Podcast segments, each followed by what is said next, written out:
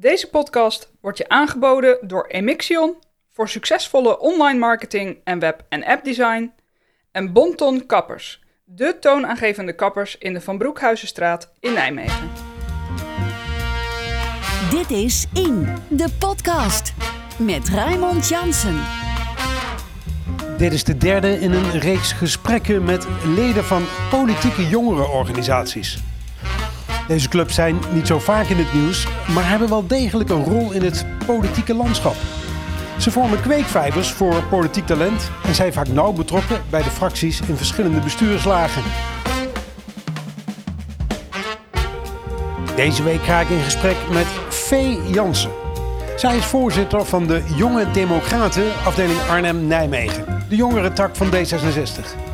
En ook aan tafel zit Job van Hussen, voorzitter van Dwars Gelderland, de jongere afdeling van GroenLinks. Mijn naam is Raymond Jansen en u luistert naar jaargang 3, aflevering 119 van In de Podcast. Ja, welkom. Vee, om met jou te beginnen. Uh, wie ben je? Waarom ben je in de politiek?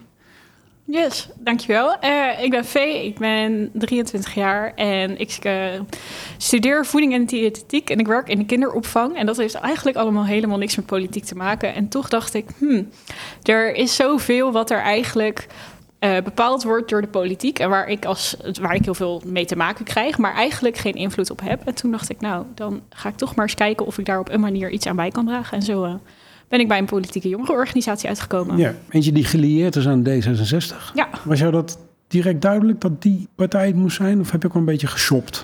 Um, nee, ik heb eigenlijk overal wel een beetje gekeken. Um, en ik denk dat voor mij het ook heel belangrijk is om echt je eigen mening te ontwikkelen en je eigen mening uit te dagen. En ik denk dat uh, de JD bij uitstek een partij is, of een organisatie is die heel breed is en waarin je mening heel erg uitgedaagd kan worden en um, heel veel te leren valt. En ik denk ja, dat dat voor mij daar het meeste uit te halen valt. Ook van huis uit politiek Nee, eigenlijk niet. Nee, nee gewoon uh, ja, maatschappelijke interesse meer. Ja. ja, Job van Hussen, dwars, dus de jonge organisatie van GroenLinks. Hoe is jouw verhaal? Ja, um, laat ik me eerst even voorstellen. Ik ben Job, 22 jaar. Ik uh, studeer in Nijmegen zowel natuurkunde als bestuurskunde. En um, ook dat heeft eigenlijk heel weinig te maken met uh, politiek. In ieder geval natuurkunde dan, bestuurskunde toch iets meer. Uh, maar de interesses liggen breed. En uh, dat is altijd al zo geweest. Op een gegeven moment toch voor natuurkunde gekozen.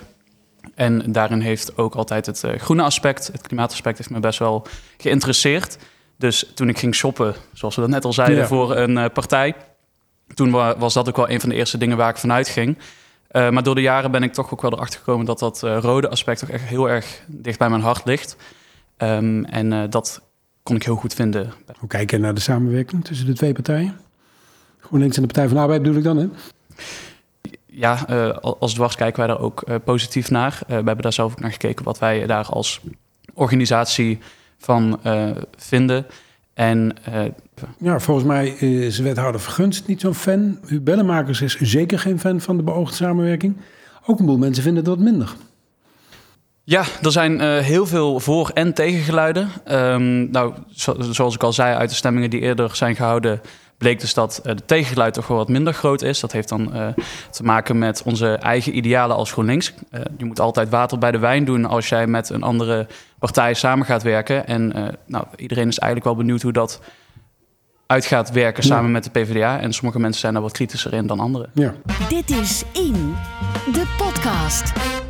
Goed, ik wil met jullie, net als met de andere, in de af, andere afleveringen, praten over drie thema's. Over klimaat, over bouwen en wonen en over cultuur. Opgemerkt is dat jullie uh, moederpartijen in Nijmegen samen in de, in de coalitie zitten, samen met de Stadspartij. Ja, voor D66 viel het een beetje tegen de uitslag, hè? Ja, ja, we hadden gehoopt natuurlijk dat D66 ook wel zou, zou stijgen. En eigenlijk uh, vrijwel gelijk gebleven. Maar Um, ik moet zeggen dat wij als JD eigenlijk uiterst positief waren over de uitslag. Met twee JD'ers die nu in de raad zitten. Um, waarvan één daar die met voorkeurstemmen behaald heeft. Dus wij waren op onze deel van de campagne erg Yes, trots. ja. dus ja, ik kan er toch wel positief op terugkijken. Ja, maar Luzanne Bouwmans, fractievoorzitter, die zei in deze podcast... we gaan de grootste worden, is net niet gelukt. Nee, nee, dat is jammer inderdaad. Nee. Ja, dat was natuurlijk anders. eh, liever anders Ja, gezien. dat werd GroenLinks, dat is jouw partij. Ehm, dus jullie kunnen alleen maar tevreden zijn. Ja, uh, nou, we, ze hebben wel iets aan zetels verloren uiteindelijk, maar we waren heel blij met de uitslag. Uh, de peilingen zagen er toch wel iets anders uit. En uh, dat komt natuurlijk vanuit een best wel grote meerderheid die we eerder al, of meerderheid, een best wel groot aantal zetels dat we eerder al hadden. en daar komt dan ook nog bij kijken dat we drie dwarse politici erin hebben gekregen, waarvan twee met voorkeurszetels. Ja. En dat is gewoon erg mooi om te zien. Ja, laten we ze even benoemen. De voorkeurstemmen bij jullie, de JD'ers. Uh, ja, bij ons zitten Leonie Jansen en Sofie den Oude in. En bij GroenLinks? Ja, we hebben drie uh, jonge GroenLinksers in de raad weten te krijgen. Dat zijn Diede Beumer, Sander van der Goes en Louise Tumera. Ja, dus uh, wat dat betreft ook voor jullie een geslaagde campagne. Ja, zeker. Toen kwam de Stadspartij erbij. Want dat was natuurlijk de grote en misschien wel de meest onverwachte winnaar. Ehm, en dat leverde een coalitieakkoord op. Hoe kijken jullie naar het akkoord? Is met jou beginnen, Vee.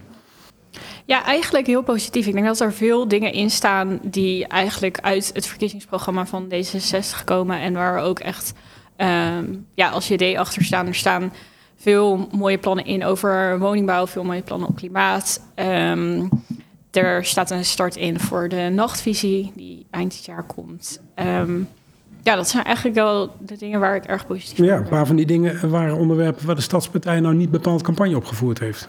Nee, ik denk dat de Stadspartij, als ik eigenlijk het coalitieakkoord zo zie, bijzonder veel water bij de wijn heeft gedaan. Ik denk dat zij uh, het misschien wel het meest hebben ingeleverd van de partijen. En uh, ja, dat is ook waarom ik denk ik misschien nog steeds heel positief naar het coalitieakkoord kijk. Ja. Kijk jij daarnaar? Ja, eigenlijk wel een, een, beetje hetzelfde. Ik heb het idee dat er toch wel een redelijke, nou in ieder geval naar mijn idee, een GroenLinks uh, overhand is geweest in dat coalitieakkoord. En dat is natuurlijk voor ons uh, ja, heel, een, natuurlijk, een, een, heel, heel mooie um, prestatie, denk ik. Um, vooral omdat er ook heel veel gefocust wordt op welzijn voor jongeren. de ondersteuning bijvoorbeeld in de energiecrisis. En ik denk dat Nijmegen daarin uh, daardoor ook goed inspeelt op eigenlijk alle urgente zaken die nu aangepakt moeten worden. En tegelijkertijd leggen ze ook een mooie lijn naar richting de toekomst uh, neer. Bijvoorbeeld uh, de woningbouwopgave richting 2040, dat daar goed naar gekeken wordt. Dat daar ook voldoende sociale huur in is. wat dwars betreft dat dat misschien zelfs nog iets hoger gemogen dan 30 procent. En dat er ook gekeken wordt dat, ja, dat huisjesmelkers niet zomaar in de ronde kunnen slaan. Dit is In, de podcast. Maar ik ga toch even naar de, de, de punten vanuit de, de Stadspartij. Want uh, zeker de Groene Agenda, die hebben jullie partijen eigenlijk allebei. Hè? Mm -hmm. Zelf uh, en als dwars zijn wij ook gewoon voorstander van dit feit. We willen graag ook die binnensteden uh, autovrij hebben, of autoluw althans. Want het moet natuurlijk ook bereikbaar zijn voor de mensen die hulpbehoevend zijn, et cetera. Um, maar uh, ja, eigenlijk is het best wel een positieve ontwikkeling. Het, is, uh, het gaat geluidshinder tegen, het gaat verkeershinder tegen, het is goed voor de luchtkwaliteit. Uh, ik heb zelf een tijdje in de Van Welderenstraat gewoond en daar kon ik elke week met een doekje over mijn balkon gaan en dan was dat ding helemaal zwart. Dus zelf vind ik dat ook een hele goede ontwikkeling voor de mensen die daar nu wonen, want mm -hmm. daar woon ik zelf niet meer. Um, en ja, als je vervolgens ook nog erop let dat het te wandelen is, dat het te fietsen is, dat het ook voor um, mensen met uh, een handicap, dat, die, dat het voor hun ook bereikbaar is. En dat het ook uh, qua openbaar vervoer rondom de stad goed bereikbaar is. Dan denk ik dat dat wel een heel, heel goed pakket aan maatregelen is. Hoe moeilijk is het om duurzaam te zijn in een tijd waarin woningbouw uh, op zijn gat ligt, waarin er een heleboel opgaven liggen die ook met stikstof te maken hebben? Hoe moeilijk is het dan om een duurzame agenda te voeren?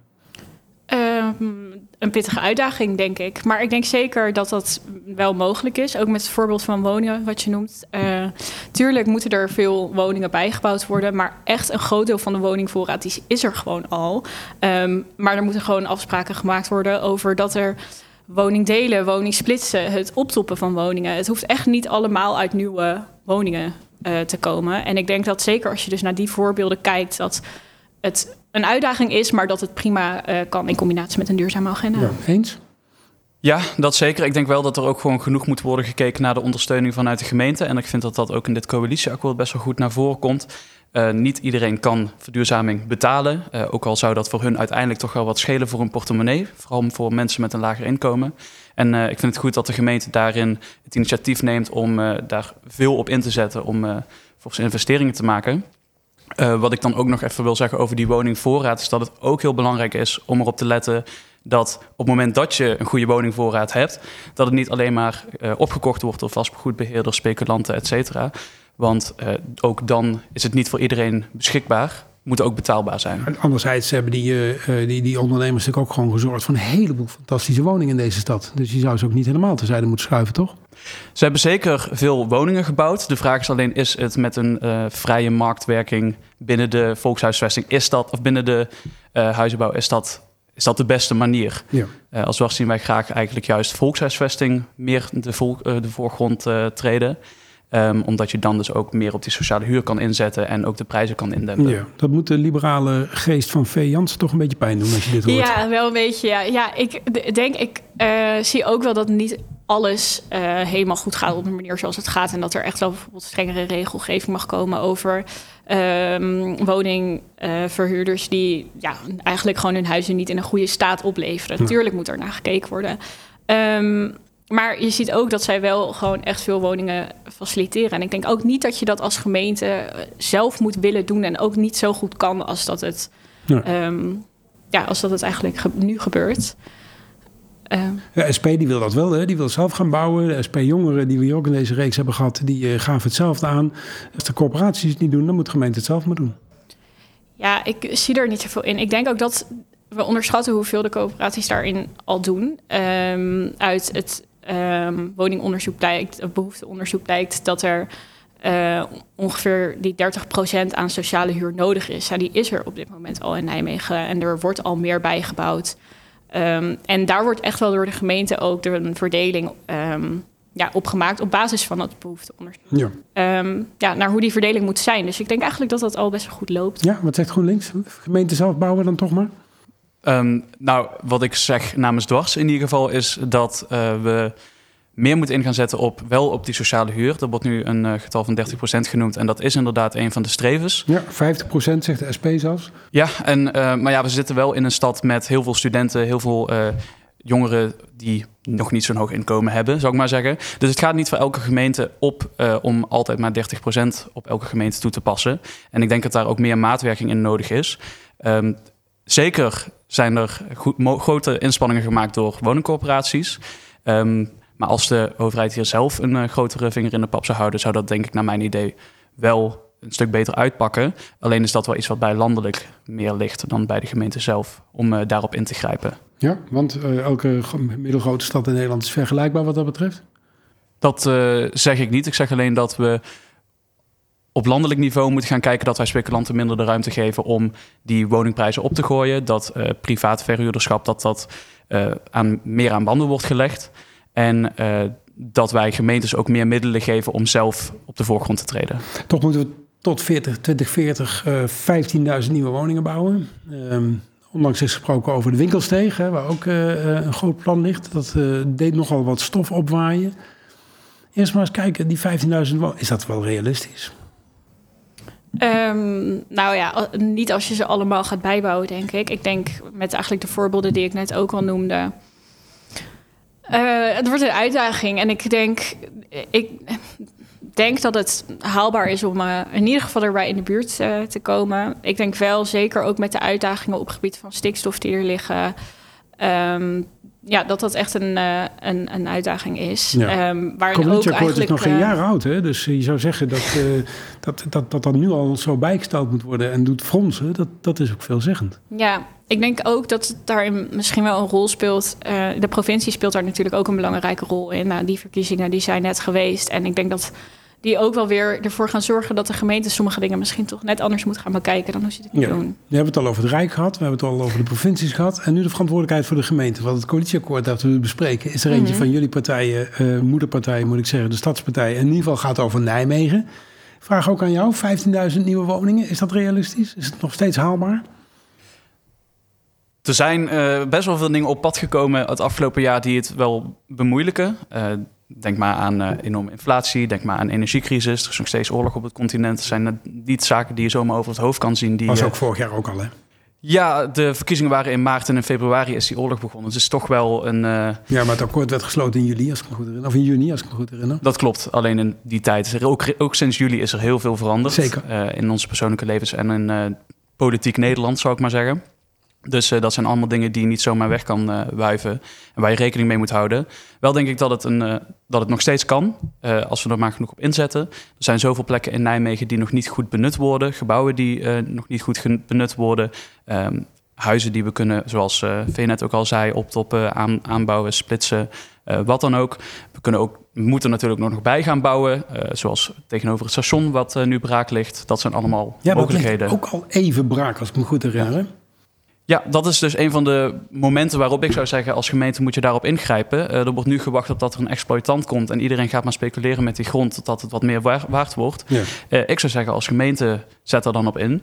ehm, en vraag daarvoor middelen van het Rijk. Eh, Jo- Job geeft aan, het wordt hoog tijd dat er bijvoorbeeld tegenover het station gebouwd gaat worden. Ja, Ehm, eh, eh, maken jullie daar wel eens een punt van? Is er wel eens een moment dat jullie zeggen, schiet nou eens op, ga eens luisteren naar ons en, en ga aan het bouwen?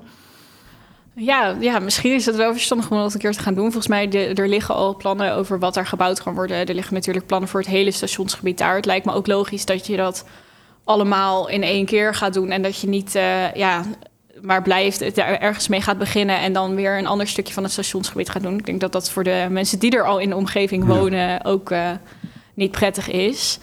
Ehm, dus daarin snap ik ook dat er even gewacht is. Ik denk wel dat het eh, tijd wordt. Dit is In, de podcast. Iets anders. Niet zo lang geleden is er eh, begonnen met praten over een eh, startnotitie eh, met betrekking tot een nachtvisie. Dan is het wel weer goed dat er een boel, bijvoorbeeld in jouw fractie en bij jou ook trouwens, eh, een boel jonge mensen in die, eh, in die raad zitten, toch? Ja, zeker. Het is eh, onmis, ja, onmisbaar geluid eigenlijk. Dat dus ook via die eh, jongere politici binnenkomt. En ik denk dat dat ook wel bevorderlijk is, ook voor de nachtcultuur... die vooral jongeren nu meemaken. Ja. Nu is uh, Noël Vergunst, lid van GroenLinks. die is niet meer zo piepjong, durf ik te zeggen, met mijn leeftijd. Ik had het idee dat hij eh, nog hier en daar wat bedenkingen had. Vooral over, toen het ging over het formuleren van nachtcultuur. Want wat is dat dan precies? Hoe kijken jullie daarna? Ja, eh, een nachtcultuur is heel breed. Dus een eh, exacte definitie is natuurlijk niet, eh, niet makkelijk te geven. Ik denk wel dat je heel veel zaken mee moet nemen. Als het gaat over, nou in de vorige podcast hoorde ik al eh, een biertje in de bar genoemd worden, maar het gaat ook over zoveel meer. Het gaat ook over eh, muziek eh, op, op plaatsen waar niet per se bier, bier gedronken wordt. Het gaat ook over de Nijmeegse Vierdaagse. Het gaat ook, want dit is ook nachtcultuur. Ja. Het gaat ook over hoe je van A naar B komt gedurende de nacht. Er komt eigenlijk best wel wat bij kijken. Ehm, en ook de, in hoeverre dat mensen vrij zijn om, eh, Ja. om zich daarin te uiten. Dat- De- m- Mijn vraag was eigenlijk, wat is nachtcultuur? Heb jij, kun jij een gooi doen naar een definitie? Alles eh, wat er plaatsvindt in de nacht, denk ik, in Tussen, de stad. tussen tien en zes heb ik Tussen gelezen. tien en want zes, dan is het inderdaad. officieel nacht, Ja. dat is eh, ook een... eh, Ja, nee, maar de- ook in de uitspraak van de Welfguns in, dat, in die gespreksronde, die zei van ja, in de nacht kun je zijn wie je wilt zijn. Of wie je echt bent. Is dat iets wat iets doet bij jullie?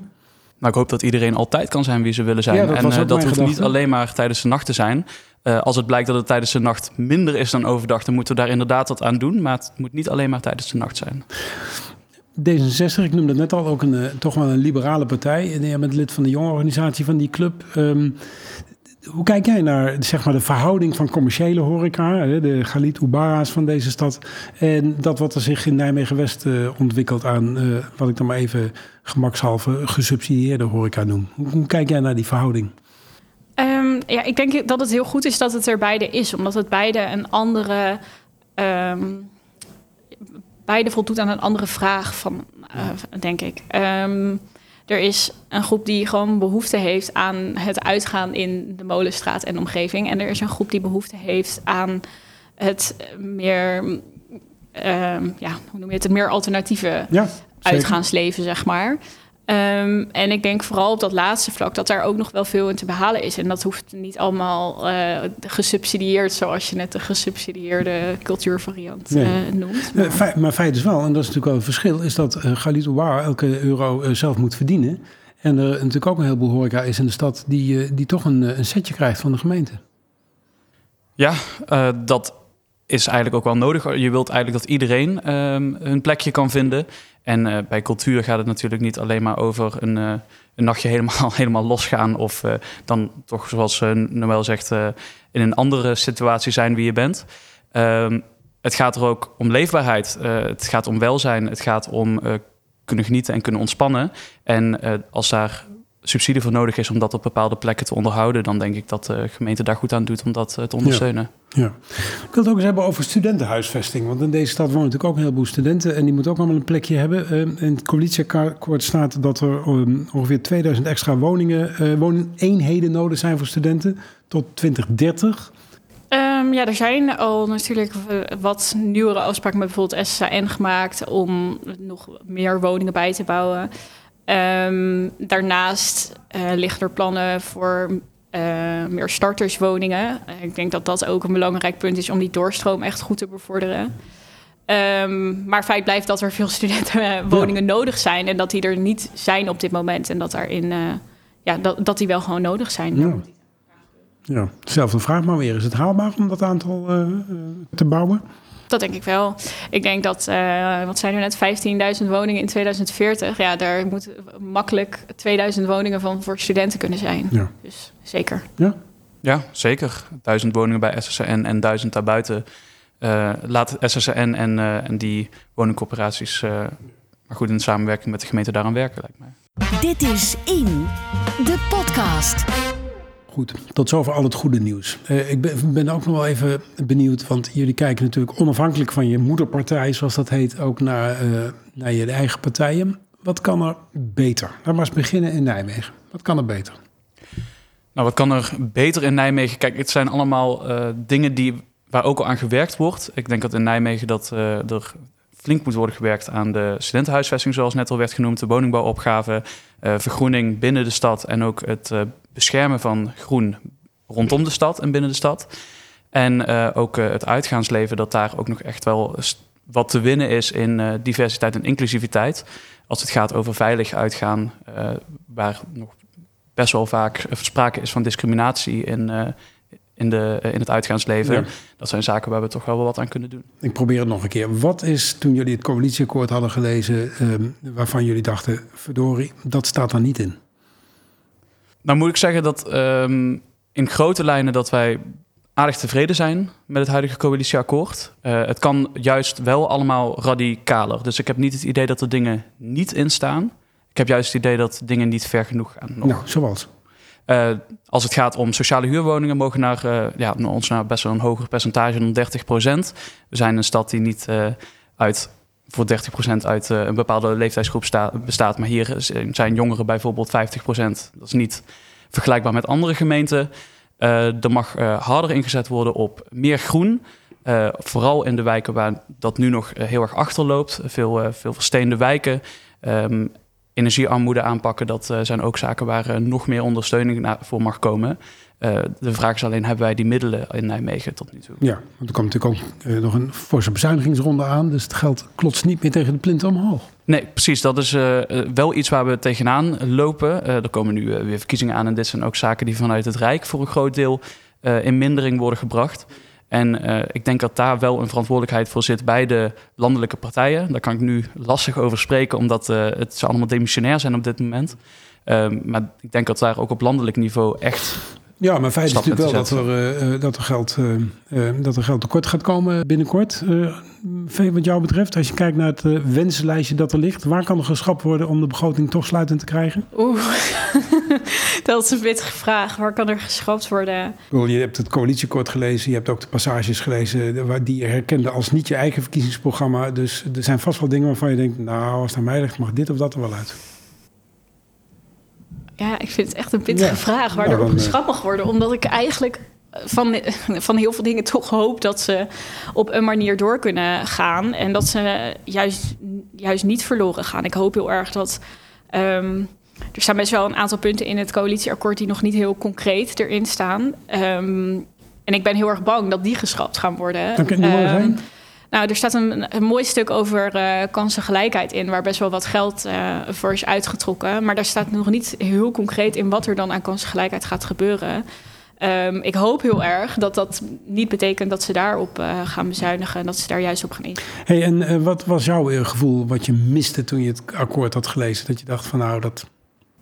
Ja, ik denk eigenlijk ook die, um, die concrete plannen, wat ik net al aangaf, dat ik op sommige dingen dat toch eh, mis. Wat op zich ook logisch is. Ik denk dat dat veel nog gebeurt tijdens de, eh, ja, in de termijn dat ze er zitten. Dat er toch, eh, toch concrete plannen uiteindelijk komen. Ehm, eh, natuurlijk ja, zijn er, ehm, worden burgers veel betrokken en worden daar, komen daar dingen uit. En dat is eigenlijk. goed, dat wilde ik inderdaad erachteraan zeggen. En dat is misschien ook wel wat ik een, een beetje miste. Ik denk dat er heel veel vormen eh, kunnen zijn om burgers meer bij de politiek te betrekken. En zeker als je ziet hoe laag het vertrouwen in de politiek Ja. is. Dat is een taak op alle bestuurslagen, denk ik. Maar ik denk dat de gemeente daar een heel verbindende factor in kan zijn. Ja, en, en toch hoor ik een wethouder Verguns als het gaat over woningbouw... en heel vaak roepen, we hebben met iedereen gesproken.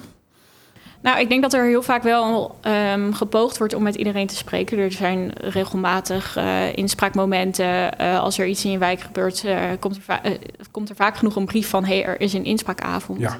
Ehm, maar er zijn natuurlijk heel veel andere manieren hoe je dat kan organiseren... zodat de opkomst daar hoger is en dat je ook echt met iedereen praat. Ja, maar je weet zelf dat dat soort briefjes... die worden ter kennisgeving aangenomen. En op die inspraakavond zelf zijn dan de usual suspects aanwezig. En dat zijn vaak dan niet eens de buurtbewoners, zeg maar. Nee, precies. Mijn beland ook altijd in de prullenbak. Dus daarom zeg ik ook, ik denk dat dat op heel veel andere manieren... Ja, er eh, hoe ga je dat doen? meer op ingezet kan worden. Wat ik denk dat daar best wel een belangrijke factor ook in is, is wat je nu dus ook eh, steeds meer merkt, dat is ook waarom dat eh, politiek vertrouwen en vertrouwen in de maatschappij als geheel best wel aan het dalen is, is dat er heel eh, weinig sociale cohesie is, ook in de buurt, in de stad, op heel veel plekken.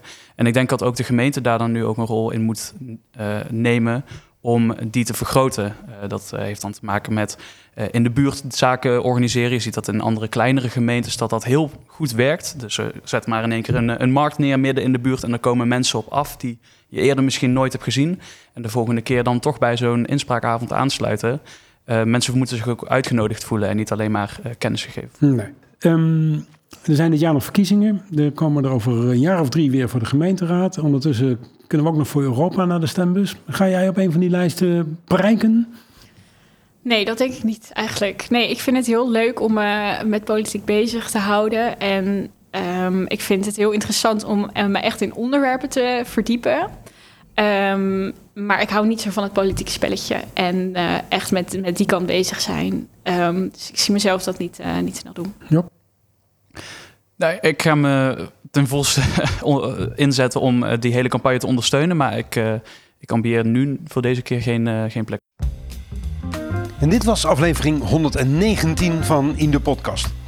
Redactie en productie waren in handen van Rob Jaspers en mijzelf. Ik ben Raymond Jansen. Montage en audio-nabewerking zoals altijd door Thijs Jacobs.